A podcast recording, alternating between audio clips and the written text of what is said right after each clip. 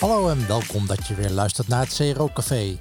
Vandaag praat ik met Julian Jachtenberg en Jeroen Ferron van Somnox, een Nederlandse start-up die een slaaprobot maakt die mensen met slaapproblemen helpt om sneller in slaap te komen en beter te slapen.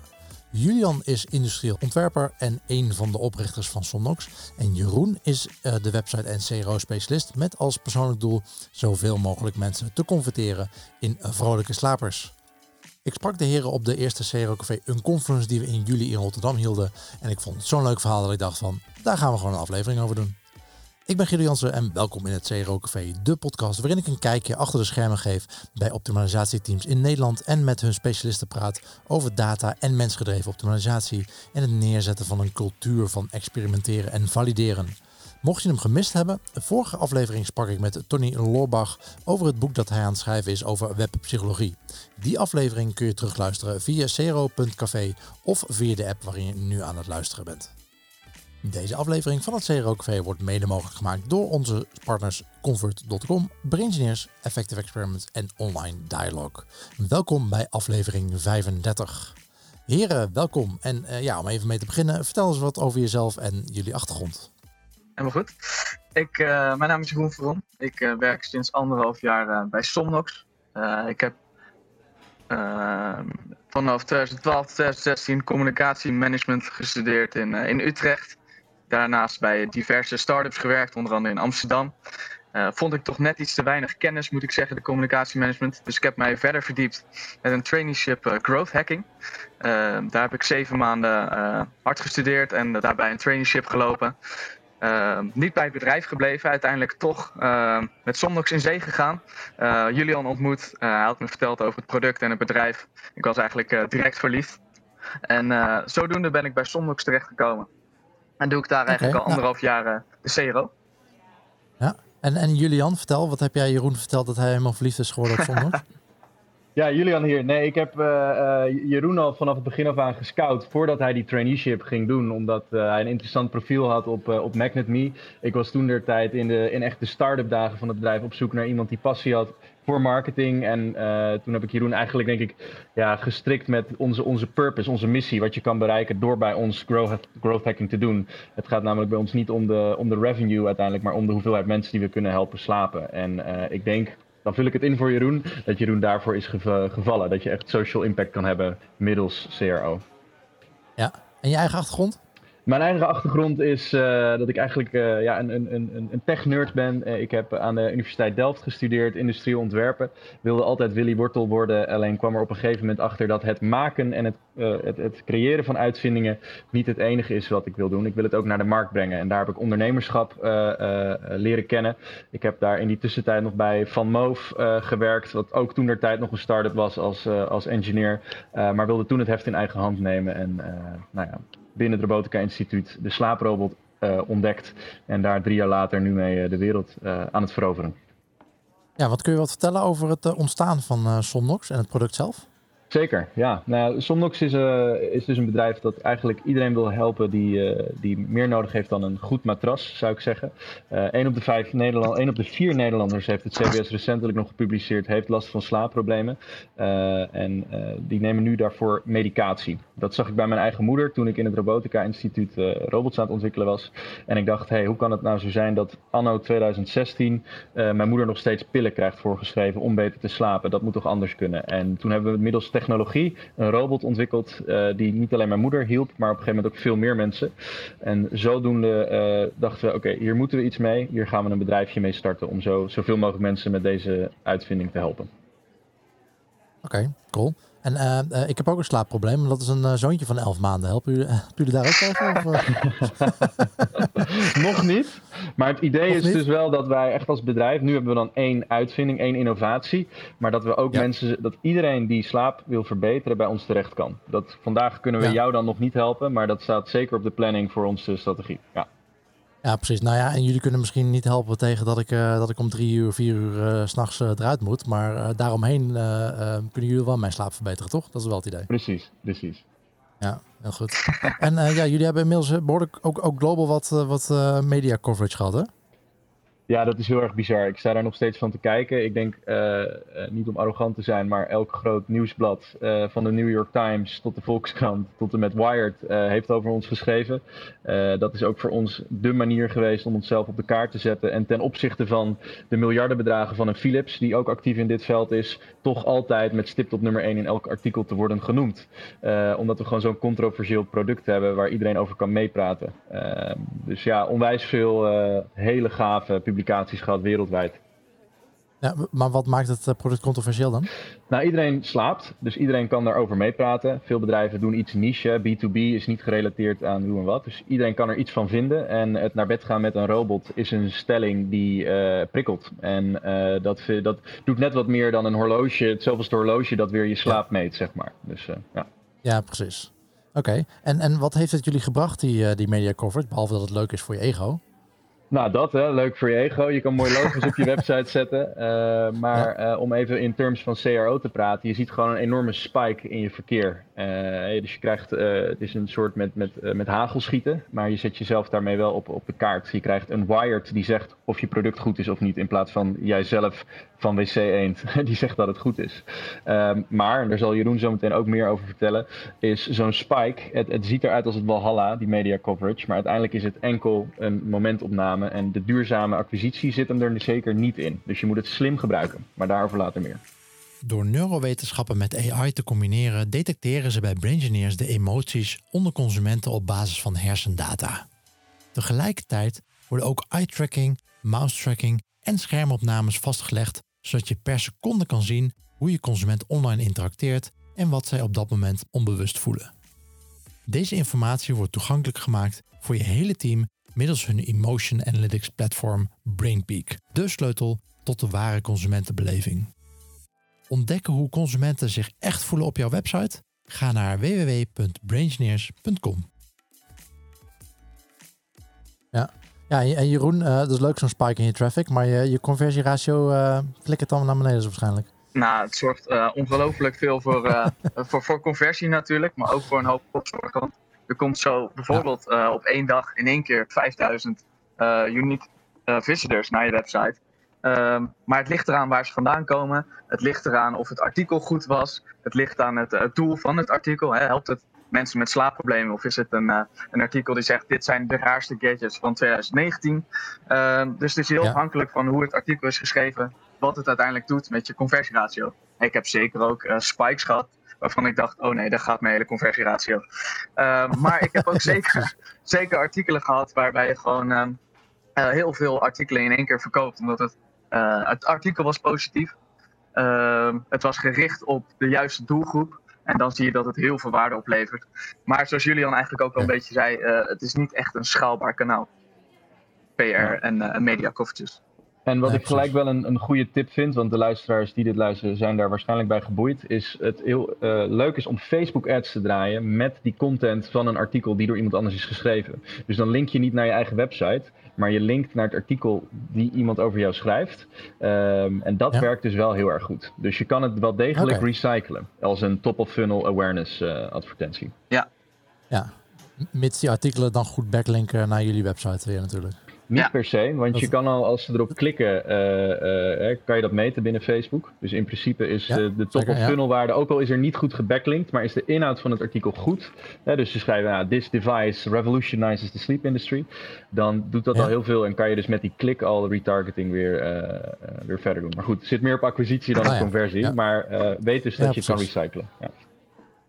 Ja, dat is wel goed. Ja, dat, is, dat is een persoonlijke frustratie voor mij. Dat er wel dat regelmatig komen er van die, van die nieuwsartikelen voorbij. Uh, zowel op Nederlandse als buitenlandse site. Die dan gaan over een of andere gaaf nieuw product. En dan staat er gewoon nergens een link naar de website van het product. Ja, nee, daar hebben wij inderdaad ook wel eens mee te maken. Wel zonde. Ja, precies. Ja. Ik, ik, uh, ik, begrijp het niet helemaal. Het is gewoon, uh, voor mij is het gevoel is dat gewoon gebruikertje pesten. Ik, ik snap, er heeft, heeft vast iemand gezegd in een conversieteam, ja, met al die externe links uh, gaan al die mensen weg. Dus uh, laten, we ze vooral, uh, laten we vooral die links weghalen, want dan blijven ze op onze website. ja. Um, maar Jeroen, de, de CRO bij jullie website, dat doe jij vast beter. hoe, hoe, ziet die, hoe, ziet die, hoe zien die processen eruit bij jullie? Wat, zijn jullie aan het doen? Wat, houden jullie in de gaten en hoe ziet het eruit?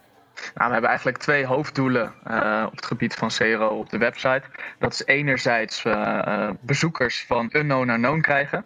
Dus wie is nou die bezoeker en hoe kunnen we op de beste manier deze persoon, dat, dat hij of zij zijn gegevens achterlaat, of haar gegevens. dat is eigenlijk optie nummer één, wat we, wat we graag willen zien. De tweede is een conversie in de webshop. Um, maar dat tweede is natuurlijk best wel lastig te realiseren, want je hebt een new-to-the-world product. Uh, het is niet heel goedkoop. Mensen kennen het nog niet, dus een conversie plegen is voor veel mensen natuurlijk al direct een grote stap. Dus ik vind allebei erg belangrijk. Revenue is natuurlijk belangrijk, maar ik vind het ook heel erg belangrijk om die mensen te leren kennen. Uh, dat doen we onder andere door heel veel AB te testen op de website. Uh, onder andere met pop-ups. Kijken wat daar goed in werkt. En waar we eigenlijk recent mee zijn gestart, nou, een paar maanden geleden mee zijn gestart voor de Engelse website, is dat we mensen door een quiz funnel heen trekken. Dus onze main CTA op de website, op de landingspagina, is ook niet koop nu of ontdek meer. Maar wat kan Sondox voor jou doen? vervolgens komen ze bij een, bij een quiz uit, waarbij ze aan de hand van een paar vragen eigenlijk een profiel voor ons achterlaten. Waar, waaraan wij weer eigenlijk weer gesegmenteerde content en een gesegmenteerde landingspagina kunnen zien, kunnen laten zien aan deze klant. Dus iemand vult bijvoorbeeld een quiz in en er komt uit dat hij problemen heeft met het snel in slaap vallen. Dan sturen we hem naar een landingspagina Sleep Faster, waarbij hij curated content krijgt. waarbij Julian vervolgens een pixel heeft geplaatst, zodat hij daarna weer advertenties kan laten zien vanuit Somnox van heb je problemen met in slaap vallen. Uh, zie je de zondags. Uh, dus dat, dat is wel echt een, eh, een hele goede manier, denk ik, om customers van unknown naar known te krijgen. Want natuurlijk, voor het krijgen van zo'n uh, rapport, van zo'n slaaprapport of zo'n ehm, einddoel van de quiz, moet je natuurlijk even je e-mail achterlaten. En dat is eigenlijk het moment dat, wij, dat wij klanten kunnen binden. En, en wat, wat voor mix gebruiken jullie voor, qua kwantitatief en kwalitatief onderzoek? Of uh, ik neem aan dat je niet alleen maar naar Google Analytics kijkt. Nee, nee Google Analytics natuurlijk, uh, natuurlijk erg belangrijk. Daar gebruiken we uh, Typeform voor de quiz. Vervolgens uh, gebruiken we ook Hotjar om eigenlijk de pain points te vinden in de website. Maar wat ik zelf eigenlijk het meest lekkere vind, en dat is geen tool, maar dat is gewoon kwalitatieve users gebruiken om websites te laten doorlopen. Eigenlijk user testing. Dus wat je dan krijgt is gewoon iemand één op één. En dan vraag ik die persoon: hey, ga eens hardop denken. Wat vind je van deze landingspagina? Wat vind je hier goed aan? Wat vind je hier fout aan? Wat vind je hier slecht aan? Um, ga eens proberen een product bij ons te bestellen. En denk hardop wat je, uh, wat je vindt van deze website. En dat uh, is voor mij het meest waardevolle. Dus daar kan, geen, uh, kan eigenlijk geen tool tegenop op dit moment. Ja, en ik kan me voorstellen, ik bedoel, je, je bent natuurlijk uh, in principe primair geïnteresseerd om, om die funnel te optimaliseren, om meer mensen een conversie te laten doen. Maar ik kan me voorstellen dat je ook best wel veel input krijgt van die mensen, gewoon puur voor het product zelf. Dat wat, wat voor twijfels ze hebben van, oké, als ik zo'n product koop, ja, wat zou ik daar dan in willen? En Julian, haal, je daar, haal jij veel uit dat gebruiksonderzoek? Van als, al, weer als input te gebruiken voor het product zelf? Precies, want kijk, het is enerzijds natuurlijk een hele mooie manier om uh, te segmenteren. Dus in plaats van een generieke content aan te bieden, echt heel snel al toe te gaan naar een pitch die klopt bij degene die, uh, die aankomt. Maar ook dus inderdaad gewoon voor uh, ja, uh, user discovery als het ware. Want ik leer, we stellen bijvoorbeeld de vraag, wat is je nummer één uitdaging als het op slapen aankomt? dus je krijgt daardoor in de woorden van de gebruiker zijn probleem uitgelegd. Nou, die woorden kan je weer gebruiken als copy om te gebruiken in je, in je sociale media bijvoorbeeld. Maar ook om te bepalen van wat is nou de, degene die naar ons toe komt en wat is nou precies zijn pijnpunt? Want uiteindelijk uiteindelijk is dat marketing. Hè? Dat je uh, de, a pain is bigger than a gain. En um, zo kunnen we dus die quiz niet alleen inzetten voor uh, CRO, maar ook gewoon echt voor uh, uh, ja, market discovery. En zelfs als input voor ons RD-team om nieuwe innovaties te ontwikkelen. Dus als we bijvoorbeeld zien dat heel veel mensen binnenkomen die zeggen dat ze een klein kind hebben dat helpt, dan zit daar blijkbaar een hele interessante trend. Ehm, dus het is een win-win situatie die ik iedereen zou aanraden bij op dit moment dan nog een one-product shop. Ja. Kun je wat vertellen hoe, hoe jullie überhaupt die innovatie aanpakken, het R&D? Ik bedoel, dat lijkt natuurlijk heel erg... Uh, kijk, Jeroen heeft misschien uh, meer data of meer mensen op de website. Uh, maar jullie willen het product zelf ook verbeteren. Dus hoe pakken jullie dat aan? Doen jullie veel gebruikersonderzoek offline of hoe, hoe gebeurt dat? Ja, we hebben een kernwaarde en die heet Be Your Own Customer. Uh, dus we willen zover gaan dat je echt zelf de, de, de klant bent. Begrijpt wat het is om slecht te slapen. Uh, want het begint allemaal bij waardecreatie. Hè? En waardecreatie in ons geval is een goede nachtrust. En een goede nachtrust kan je kwalificeren als uh, diepe slaap en hoe lang je hebt geslapen en eigenlijk hoe je je voelt in de ochtend. Uh, dus door enerzijds de klant te zijn, empathizing, uh, door middel van focusgroepen, zelf met het product te slapen, zelf een keer een week lang niet slapen, wat dat met je doet. Daardoor word je heel erg goed uh, in het inbeelden van wat die klant wel en niet zou kunnen doen. Dus in ons proces gebruiken we enerzijds die kwalitatieve data door zelf de klant te zijn door focusgroepen te doen en regelmatig uh, naar mensen toe te gaan in hun eigen slaapkamer of mensen naar ons op kantoor. En ten derde is dat we ook een mobiele applicatie hebben gelinkt aan ons product. Dus we hebben ook de product analytics, waar we kunnen zien hoe vaak een bepaalde feature wordt gebruikt, hoe laat ze naar bed gaan. En dat is dan weer kwantitatieve data die we uit een dashboard kunnen lezen, die dus beide input vormen voor onze assortimentstrategie, wat enorm waardevol is. Oké, dus als mensen nieuwe werknemers die in principe goed slapen, zorgen jullie ervoor dat ze slechte slapers worden? Ja, dat is, uh, deel, dat is deel van de onboarding bij Somnox. De eerste week dat je bij ons komt werken is niet leuk hoor. Oké, okay, een soort, uh, ja, een soort uh, de, de, onboarding bij jullie, dat is, dat is bij een echte studentengroep. Dat je, dat je gewoon een week, een week niet hoeft te slapen. Ja.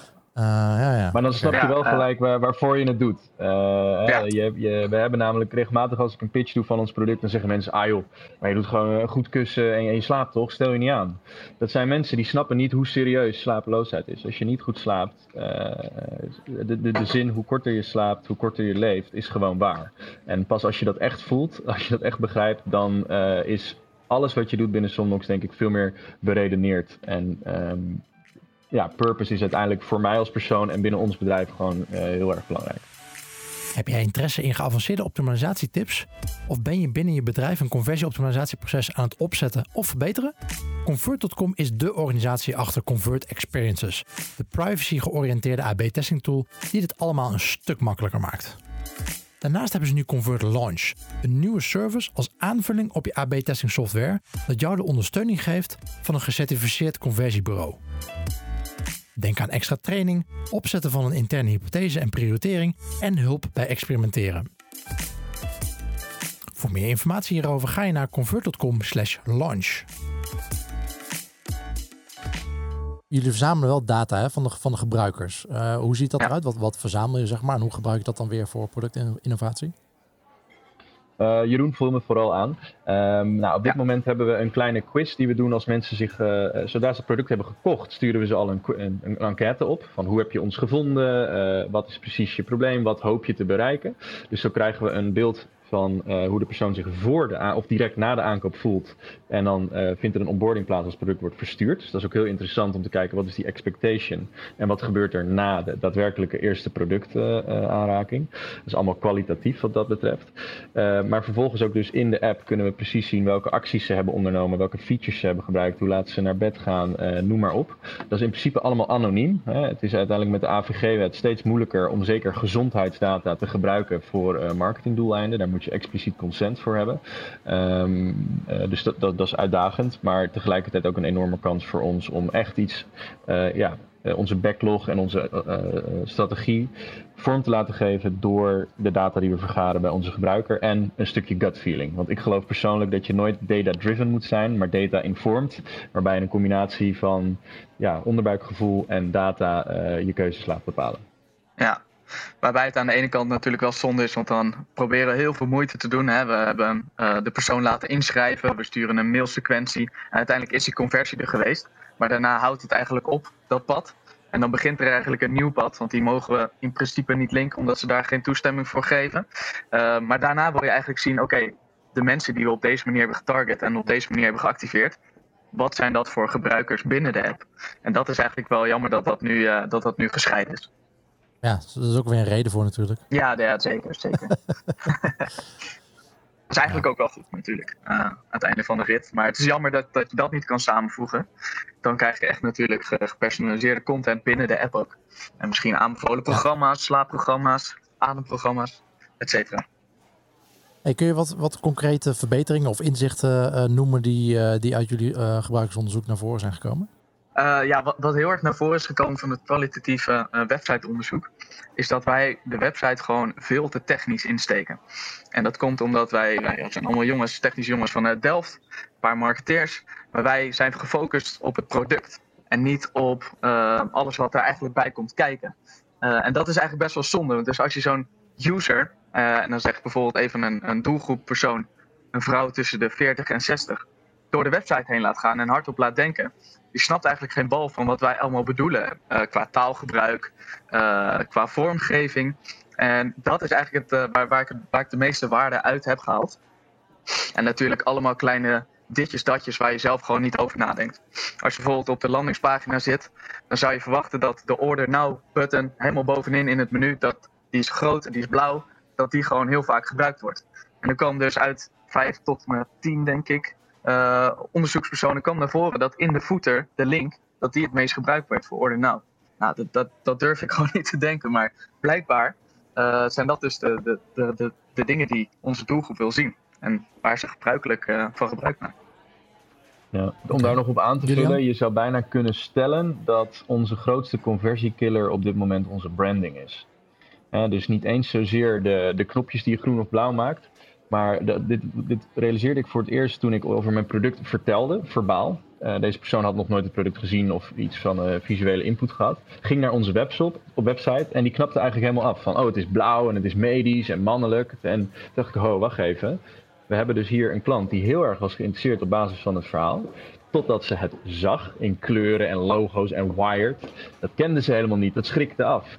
Dus het is, soms is je, uh, ja, zou het dus zomaar kunnen. En daarom gaan we ook een rebranding nu door. Waarbij we die klant centraal stellen. Dat rebranding je conversiekiller kan zijn. Omdat jouw, jouw touchpoints niet de taal spreken van degene die op jouw uh, website komt. Ja, en hoe gaan jullie dat aanpakken, zo'n rebranding?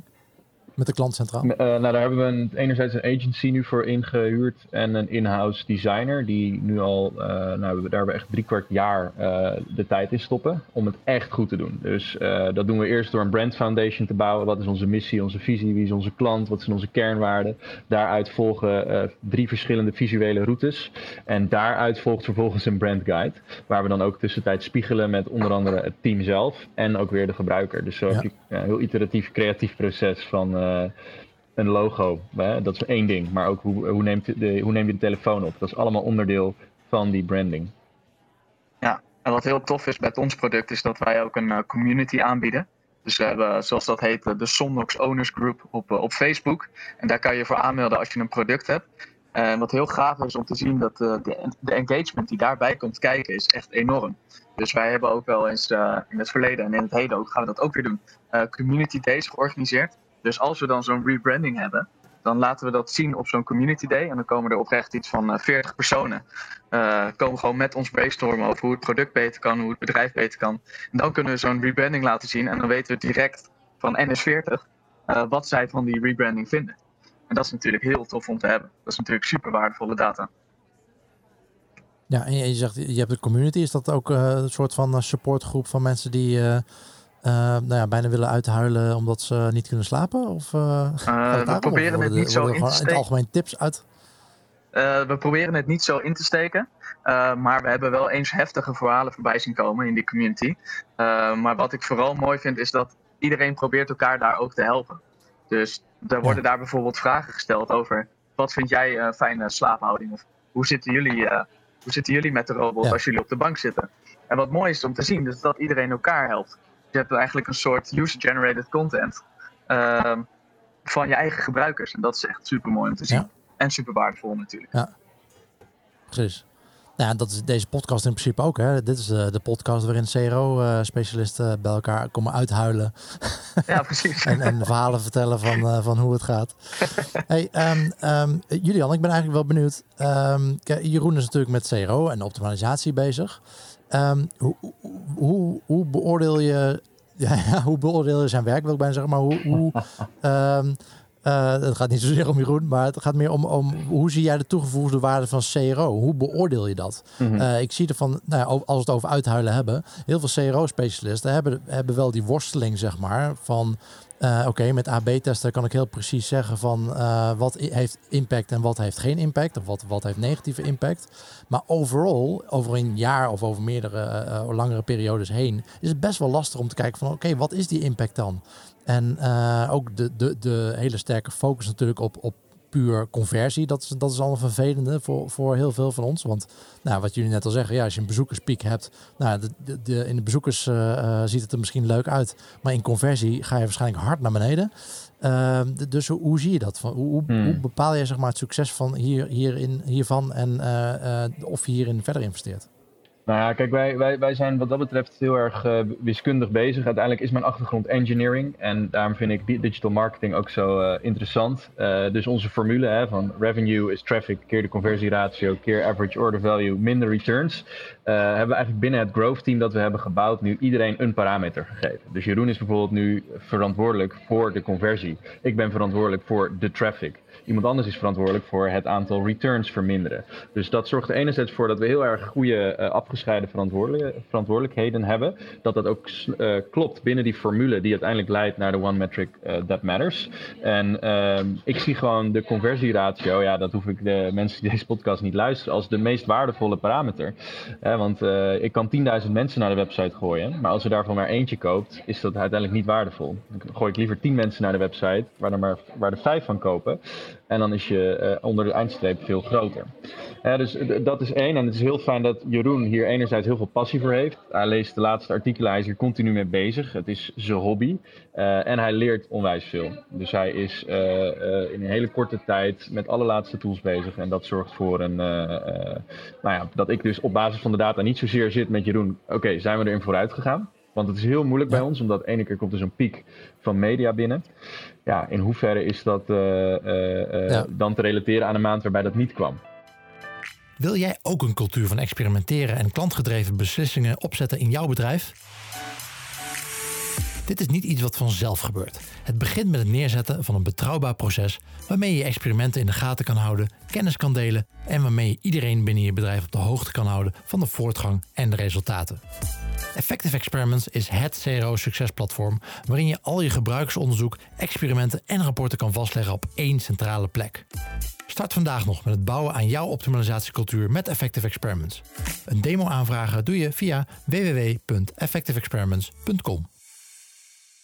En, en hoe, hoe zorg je er dan voor dat dat uh, wel, want als je, als je dat allemaal verschillende uh, hokjes zeg maar opdeelt, mm -hmm. uh, dan loop je het risico en dat kun je voor lief nemen. Er zijn verschillende uh, ideeën over. Maar uh, dan loop je natuurlijk het risico dat je zegt van oké, ja, ik, ik ben verantwoordelijk, wat je net zegt, jij bent verantwoordelijk voor de acquisitie. Nou ja, gewoon zoveel mogelijk traffic pompen. En dan is, dan, dan is dat Jeroens probleem vervolgens. Ja, ja, ja. uh, en, en Jeroen kan natuurlijk denken van ja, ook conversie moet omhoog. Ja. Uh, oké, nou dan gaan we er zo heel veel, zoveel mogelijk mensen in tricken om dat product te kopen. Ja.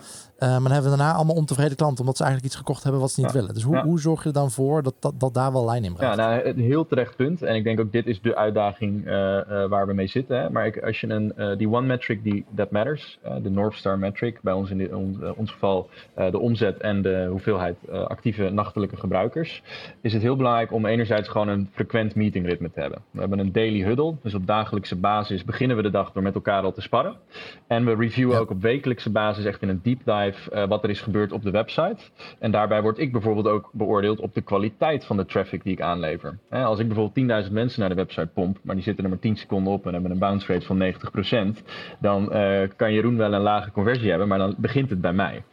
dus je moet het als een systeem beoordelen en kijken welke parameters erin zitten en elkaar accountable kunnen houden daarop. Het is allemaal samenwerking en communicatie. En daarvoor is gewoon een hele goede meetingstructuur en een agenda en de juiste dashboarding cruciaal. En, en, en, en, een, uh, uh, en een team dat ook die inzichten wil hebben en niet alleen maar zit van. Oké, okay, dit is mijn uh, verantwoordelijkheid. Meer dan dat doe ik niet. Um, dan ben je geen team. Uh, dus de, de, zo doen wij dat. Ja. Maar ja. blijf dynamisch. En, uh, ik viel net even weg. Uh, heb, heb, je me een beetje gespaard, Julian? Of dat, heb je me helemaal... Kijk, dat deden we expres, dat ga, dat ga je terug horen in de opname. ja, ik wou net zeggen... Kopperaf. ik ga mezelf wel weer in slaap huilen vanavond. ik hoor het wel weer. nou ja, zet gewoon een andere aflevering op van de CROKV podcast en dan... ja, ja, precies. Ben ik zo weg. ja. Hey, um, uh, nu ben ik even mijn lijn kwijt.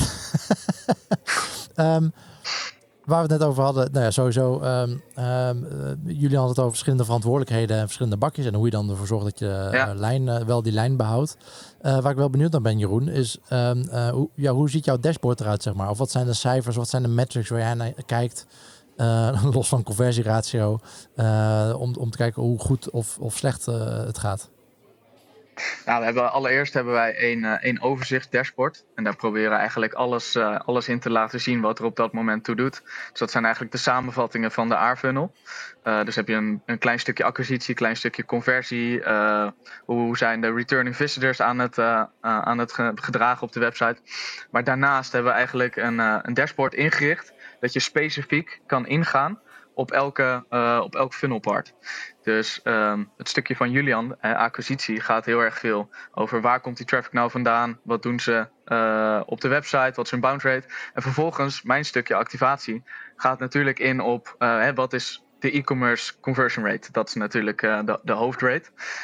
maar ook hoe gedragen mensen zich op de website. Welke doelgroepen komen er allemaal op zijn website?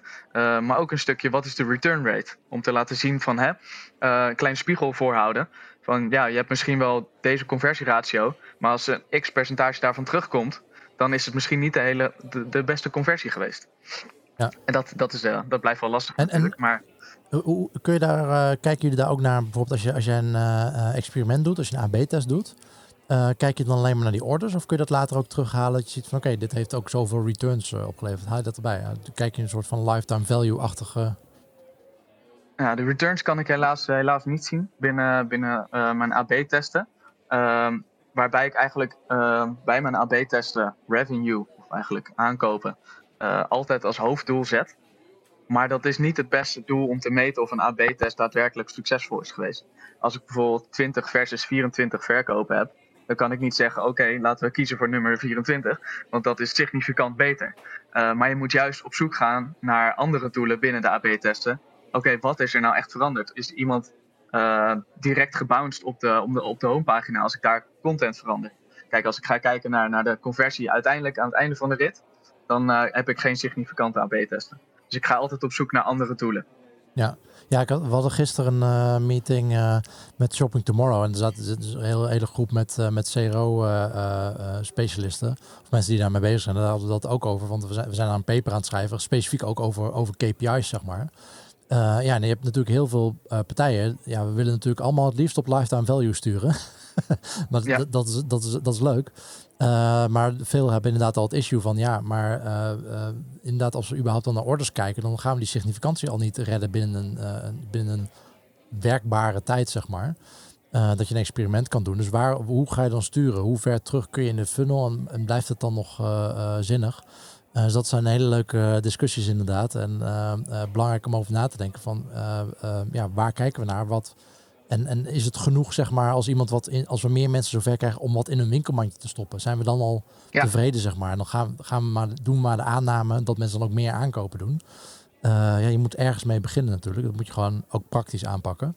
Uh, en dan moet je natuurlijk wel de mazzel, of de mazzel, uh, het geluk hebben dat je of, of, of het, het, werk erin doen dat je, dat je genoeg naar, naar buiten communiceert, of naar je management of naar de rest van het bedrijf communiceert. Van ja, dit is wel de toegevoegde, dit, dit zijn aannames die we doen. Uh, en dit, dit, dit is hoe wij dit zien. En praktisch zijn we gewoon gelimiteerd op bepaalde zaken. Ja, ja dat klopt. Het is ook heel lastig. Ik probeer altijd zoveel mogelijk metrics bij elkaar te pakken die er een beetje toe doen.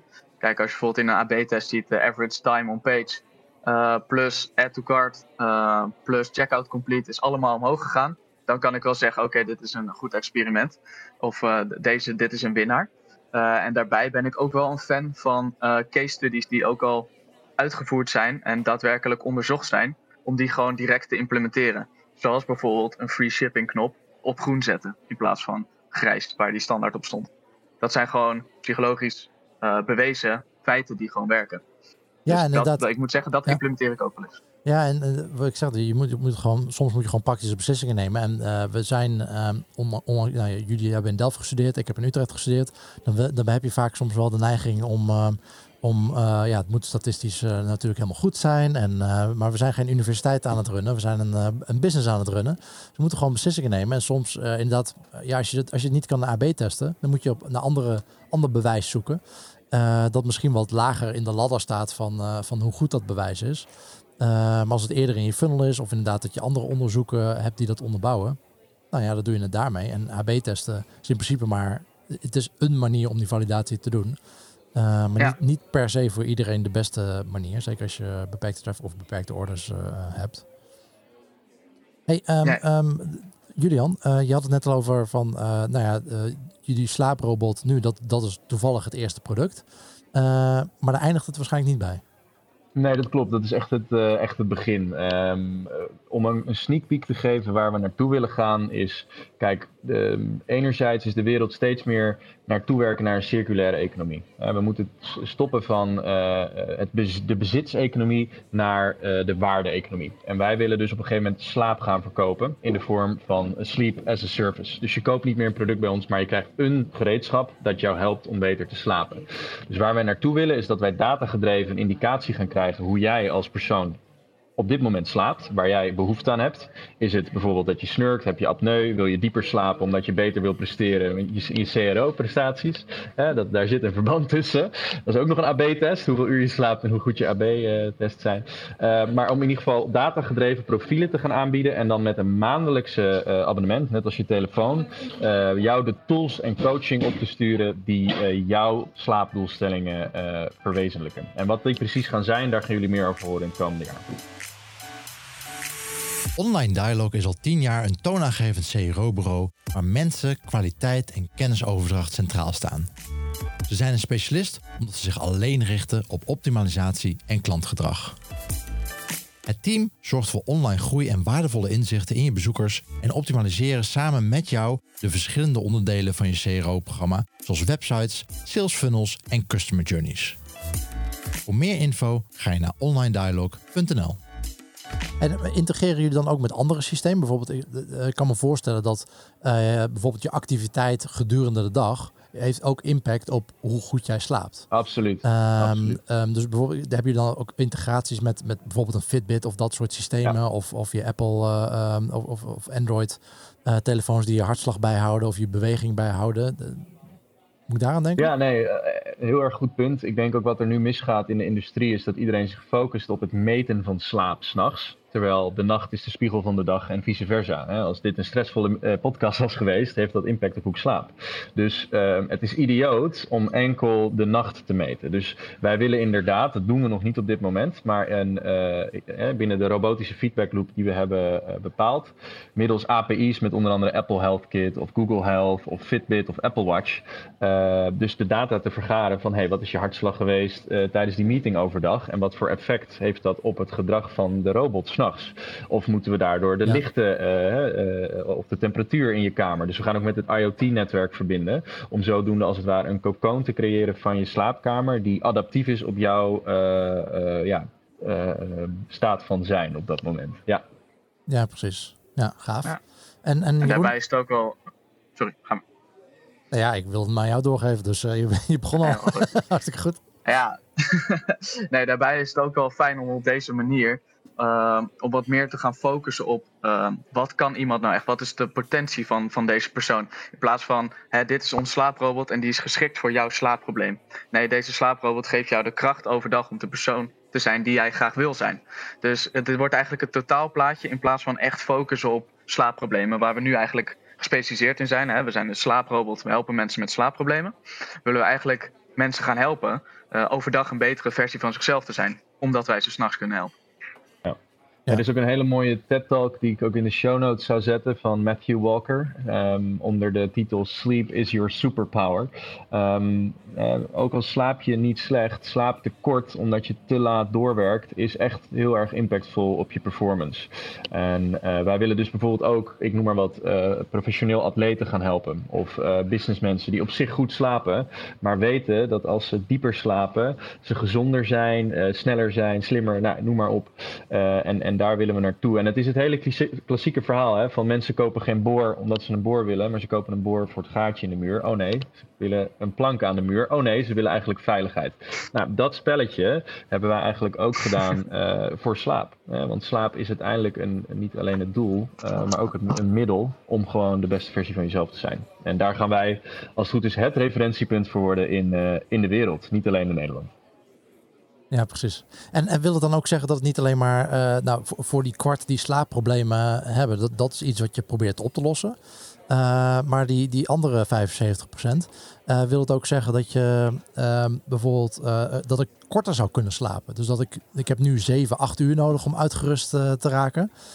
kan ik door jullie technologie, door de slaaprobot en alle inzichten uh, kunnen jullie het zover brengen dat ik misschien nog maar vijf uur nodig heb? Uh, nou, die, drie uur extra overhoud vraag, om, uh, om, om podcast te editen. ja, die vraag krijgen we heel vaak. die claim ga ik absoluut niet maken. Er is geen enkel onderzoek dat bewijst dat dat mogelijk is op dit moment. Ehm, het gaat, en je kan het wel hebben over slaapkwaliteit en slaaplengte. heel veel mensen die vergissen zich altijd dat als ze acht uur slapen dat het dan goed is. Het gaat uiteindelijk om de kwaliteit. En kwaliteit is weer de diepte van je slaap. Dus wat we wel kunnen doen, is producten maken die diepe slaap stimuleren. En daarmee heb je meer lichamelijk en uh, uh, geestelijk herstel. Maar we zullen nooit de claim maken dat we je ja, korter kunnen laten slapen, waardoor je meer uren gedurende de dag hebt. productiviteitsfreaks die, die moeten maar gewoon even hun rust nemen. uiteindelijk uiteindelijk gaat het ook niet om het aantal uren die je werkt, maar de aantal effectieve uren die je werkt. Dus wil je efficiënt zijn of effectief? Dat is een belangrijke vraag. Precies. Ik kan me wel voorstellen, en dat, dat is ook, uh, kijk, met CRO, in ieder geval als je het voor een webshop doet, je hebt natuurlijk ontzettend veel data. Uh, Jeroen heeft de mazzel, nou, je hebt bijvoorbeeld Google Analytics, je kan precies zien wat er allemaal gaande is. Um, als je zo'n product maakt zoals jullie, ik kan me voorstellen dat er heel veel variabelen van invloed zijn op mijn slaap. Die, waar jullie geen weet van hebben. Je noemde net al, nou ja, in de toekomst wil je misschien temperatuur en misschien luchtvochtigheid van de kamer weten. Hoeveel, hoe licht het in zo'n kamer is. Ehm, ja, de, überhaupt inderdaad het, nou ja, de standaard, het matras en het kussen. dat weten jullie misschien helemaal niet. Dus hoe, hoe, ga je daarmee om met al, al dat soort ontbrekende variabelen? ja, dat is dus een van de, de grootste hurdles die wij, eh, die wij zien op het gebied van, van CRO. Niet alleen CRO, maar eigenlijk de hele bedrijfsvoering van Somnox. Is dat er zoveel verschillende factoren spelen. Er zijn zoveel verschillende slaapproblemen in de wereld. Kijk, slaapproblemen aan zich is gewoon een containerbegrip. Mhm. Uh, en daarbij, daarbinnen vallen natuurlijk weer heel veel verschillende slaapproblemen. Daarbij is het ook nog belangrijk uit welk land zo iemand komt. Dus wij hebben traffic van over de hele wereld. Maar de slaapproblemen of de medicatiegebruik in Amerika is bijvoorbeeld veel groter dan in Nederland. Ehm, in Japan is bijvoorbeeld het slaapprobleem het allergrootste van de, van de hele wereld.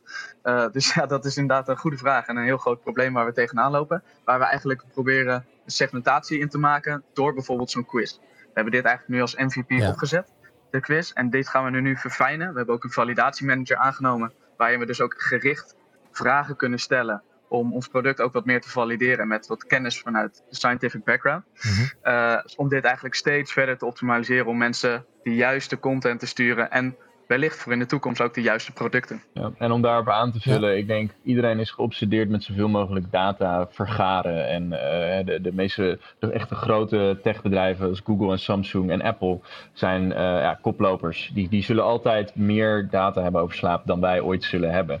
Um, en ik vind de analogie heel mooi dat uh, in het geval dat je wil afvallen en je gaat op de weegschaal staan, dan krijg je ook de data van hoe zwaar je bent. Maar die data aan zich helpt je niet om af te vallen.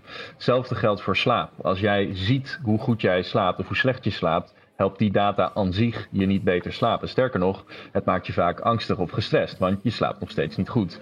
En dat is precies wat een robot is. Een robot ziet data, die denkt na over die data en die doet er iets mee. En die stap willen wij dus zetten. Dus niet door data aan de gebruiker door te geven, maar waarde. En wat die waarde dan is, is op dit moment een ademende robot die muziek maakt. Maar daar gaan we dus een heel scala in tools in aanbieden. Dus het is niet de data zelf die de waarde heeft, maar de interpretatie en de actie die erop wordt ondernomen. En ja, het zal een gevecht worden in de industrie om al die, uh, uh, die blindheid, hè, dus uh, wat voor bed heb je, hoe licht is het in je kamer, om zoveel mogelijk daarover te weten te komen. Data is de nieuwe olie. Ja. ja. Het schijnt zelfs soms averechts te werken inderdaad. Dat als jij je slaap trackt en jij krijgt 58% te zien, die tracker heeft niet helemaal goed up to par zijn best gedaan, dan voel jij je de hele dag 58%. terwijl je misschien hartstikke goed hebt geslapen. dat is toch ook bijzonder. Ja. Maar wat, wat Julian net zegt, dat, is, dat lijkt me inderdaad een goede. Van het gaat niet zozeer om de data die je eruit hebt, maar meer de inzichten en, uh, en de acties die je daar op basis daarvan onderneemt. En dat geldt niet alleen maar voor, voor productontwikkeling, maar dat, dat is een mooie, denk ik, voor CRO in het geheel. Uh, Jeroen, jullie krijgen heel veel traffic uh, op jullie website. Uh, nu liggen jullie producten ook in de winkel. dus hoe zorg je nu voor dat mensen niet alleen maar online kopen, maar dat ze ook in de winkel langs gaan? Ik kan me voorstellen dat dat ook een belangrijk onderdeel in de, in de customer journey is. Klopt. Zeker een, een belangrijk onderdeel bij ons. Daarom hebben we in Q3 hebben we iets nieuws gelanceerd. En dat noemen we zelf dan het proefslapen. en wat we daarbij eigenlijk willen creëren, is een wat meer menselijke touch naar voren brengen. een van onze kernwaarden is ook be human, no robot. En ondanks dat wij robots verkopen, willen we dat altijd wel op een menselijke manier blijven doen. Vooral in de communicatie naar de klanten. Dus wat wij eigenlijk doen is wij sturen wel online traffic naar ons toe. Uh, maar die leiden we eigenlijk op onze Nederlandse website naar een proefslapenvorm. Uh, dat is ook een van onze CTA's op onze landingspagina. daar wordt de klant, de potentiële klant, wordt gevraagd om zijn naam en gegevens achter te laten, plus zijn telefoonnummer. Uh, vervolgens komt daar een kleine mailsequentie aan te pas. Maar in elke mail die, uh, die de klant ontvangt, staat ook de optie om een adviesgesprek met ons in te plannen. Ehm, en wat zijn nou de voordelen daarvan? je krijgt een stukje lead qualification. Dus je kan mensen adviseren op product, maar ook zeker adviseren als het niet voor hun werkt. want ja, slaapproblemen, zoals eerder zeiden, het is gewoon heel groot. Dus er zijn ook zeker slaapproblemen waarvoor ons product niet werkt. Je kunt de vragen van de klant allemaal beantwoorden. En toch een stukje persoonlijkheid eronder brengen. Want puntje bij paaltje, het is een nieuw product. Het is een bijzonder product. Mensen weten niet zeker of het werkt. En de prijs daarom ligt voor hun erg hoog. Ja. Dus wat wij gaan doen is wij gaan zo'n gesprek aan met de klant. we beantwoorden alle vragen. we geven de optie om um, in de webshop te bestellen. Maar daarnaast hebben we ook nog verschillende retailers in Nederland waar de klant ook naartoe kan. Om hem allereerst even vast te houden, kijken of dat werkt. Vervolgens ook een aanschaf te doen. Maar bij deze retailers uh, kan er ook gehuurd worden of geleend worden. Dus dat de klant een borg betaalt ehm, en dat de klant okay. het product mee naar huis krijgt om zeven dagen in zijn eigen bed uit te proberen. dat kan bijvoorbeeld bij een Alping Plaza. zo proberen we eigenlijk de conversie nog net iets meer te verhogen. Uh, en eigenlijk ook ons product wat duidelijker over te brengen naar de klant. Maar zijn er dan heel veel producten, heel veel plaatsen waar ik dat kan uh, doen? Um, dat is sowieso bij elke Alping Plaza. Dus dat zijn er uit mijn hoofd wel meer dan 60 in Nederland. En sinds vorig kwartaal ook bij Medipoint. daar kunnen mensen ook het product huren of aanschaffen, wat ze, wat ze zelf prettig vinden. Oké, okay. en die mensen zijn allemaal gebriefd in, in hoe Somnox werkt, zeg maar. Ja, ja, dus dat gaat vanuit ons naar de retailer. Een stukje producttraining. Uh, nou zijn we natuurlijk ook co-designed bij Alping, dus zij weten sowieso al uh, hoe, hoe, ons product werkt. Um, en Medipoint is daar ook van op de hoogte en die kan dus de klant instrueren voordat hij het product gaat huren. Oké, okay, helder. En ehm, hoe, hoe meten jullie dat? Nou, we hebben natuurlijk een vorm op onze website, op de proefslapen pagina, zoals ik dat zo mag noemen. en daar moet iemand ook zijn e-mail achterlaten. En we bekijken vervolgens ehm, wat, de, ehm, wat het verschil is tussen de aanmaak bij een applicatie van ons, uh, van ons product. Dus voor het gebruik van ons product moet je je aanmelden. Uh, maar mijn vraag, zit er dan ook nog een meting ergens tussenin? Want ik snap dat iemand uh, meldt zich aan op jullie website. Uh, dan heb je zijn e-mailadres, zijn of haar e-mailadres. Dat, en, en als iemand wat aankoopt ook. Maar weet je bijvoorbeeld of iemand überhaupt in de winkel is ja. geweest en dan afhaakt? Of dat hij dan weet je dat? Nou, we zijn net gestart met dit traject. Uh, dus dat is iets waar ik uh, eigenlijk de komende tijd wat meer in wil duiken. Van hè, hoeveel mensen melden zich nou aan voor dat proefslapen? Uh, ja. In x aantal gaat naar onze webshop, x aantal naar uh, de Open Plaza. Ehm, maar wat nog veel belangrijker is, hoeveel mensen gaan daar naartoe om vervolgens wel of niet een conversie te doen. Ehm, die, die meting wordt natuurlijk steeds lastiger omdat het wat minder meetbaar is. Maar dat is iets waar, dat is echt een stukje fine-tuning waar ik uh, zeker aan wil gaan werken. Oké, okay, leuk. En voor nu is het handig om te zien dat als iemand zich aanmeldt voor dat proefslapen, en wij hebben met die persoon gebeld, kunnen wij dus vervolgens zien of diegene de Somnox mobile app heeft gedownload en daarmee een account heeft aangemaakt. Ehm, en in Q3 hebben wij gezien dat dat rond de 6,5% lag. Dus van aanmelding tot aanmaken van een account in de app. Dus ja. Ja, daar zijn we net bij begonnen en dat zijn al goede resultaten. Dus ik ben benieuwd hoe dat, hoe dat verder kunnen uitpakken. Ja, heel tof. Ja. Hey, heren, dank jullie wel. Uh, onze tijd zit erop. Um, uh, dank voor, voor jullie bijdrage en dat jullie wilden vertellen uh, over jullie product en hoe jullie die optimalisatie aanpakken. En ja, ik hoop inderdaad dat deze podcast, dat de opname niet te stressvol was en dat jullie lekker zullen slapen vannacht. dat kunnen wij als geen ander. Gaat zeker lukken. Heel goed. hey, dank jullie wel. Top. Hey, dankjewel hè. Doei doei. Hoi, slaap lekker. Doei. Ja, en zo meteen ga ik je vertellen waar de volgende aflevering over gaat. Maar uiteraard heb ik eerst nog de wekelijkse Neuronugget voor je. Philip Jordanov van Neurofight Academy deelt wekelijks één psychologisch principe uit hun training met ons.